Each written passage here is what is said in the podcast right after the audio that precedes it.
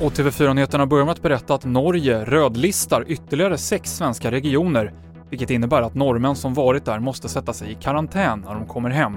En av regionerna är Värmland och anledningen är att smittspridningen bedöms vara för stor. Reglerna börjar gälla midnatt till lördag och Norge ändrar nu färg från grön till gul för länder och regioner där man inte behöver sitta i karantän. Och eh, det innebär alltså i korta ordalag att norrmännen uppmanas att inte företa eh, några icke-nödvändiga resor överhuvudtaget. Det är ju en skärpning i budskapet till norrmännen här att eh, inte resa. Det sa Lisa Grenfors som är utrikeskommentator på TV4.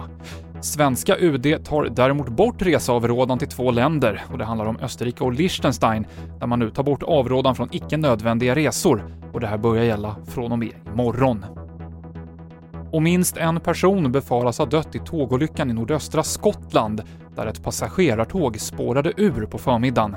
Räddningsinsatsen pågår fortfarande och det här har beskrivits som en mycket allvarlig händelse. TV4-nyheterna med Mikael Klintevall.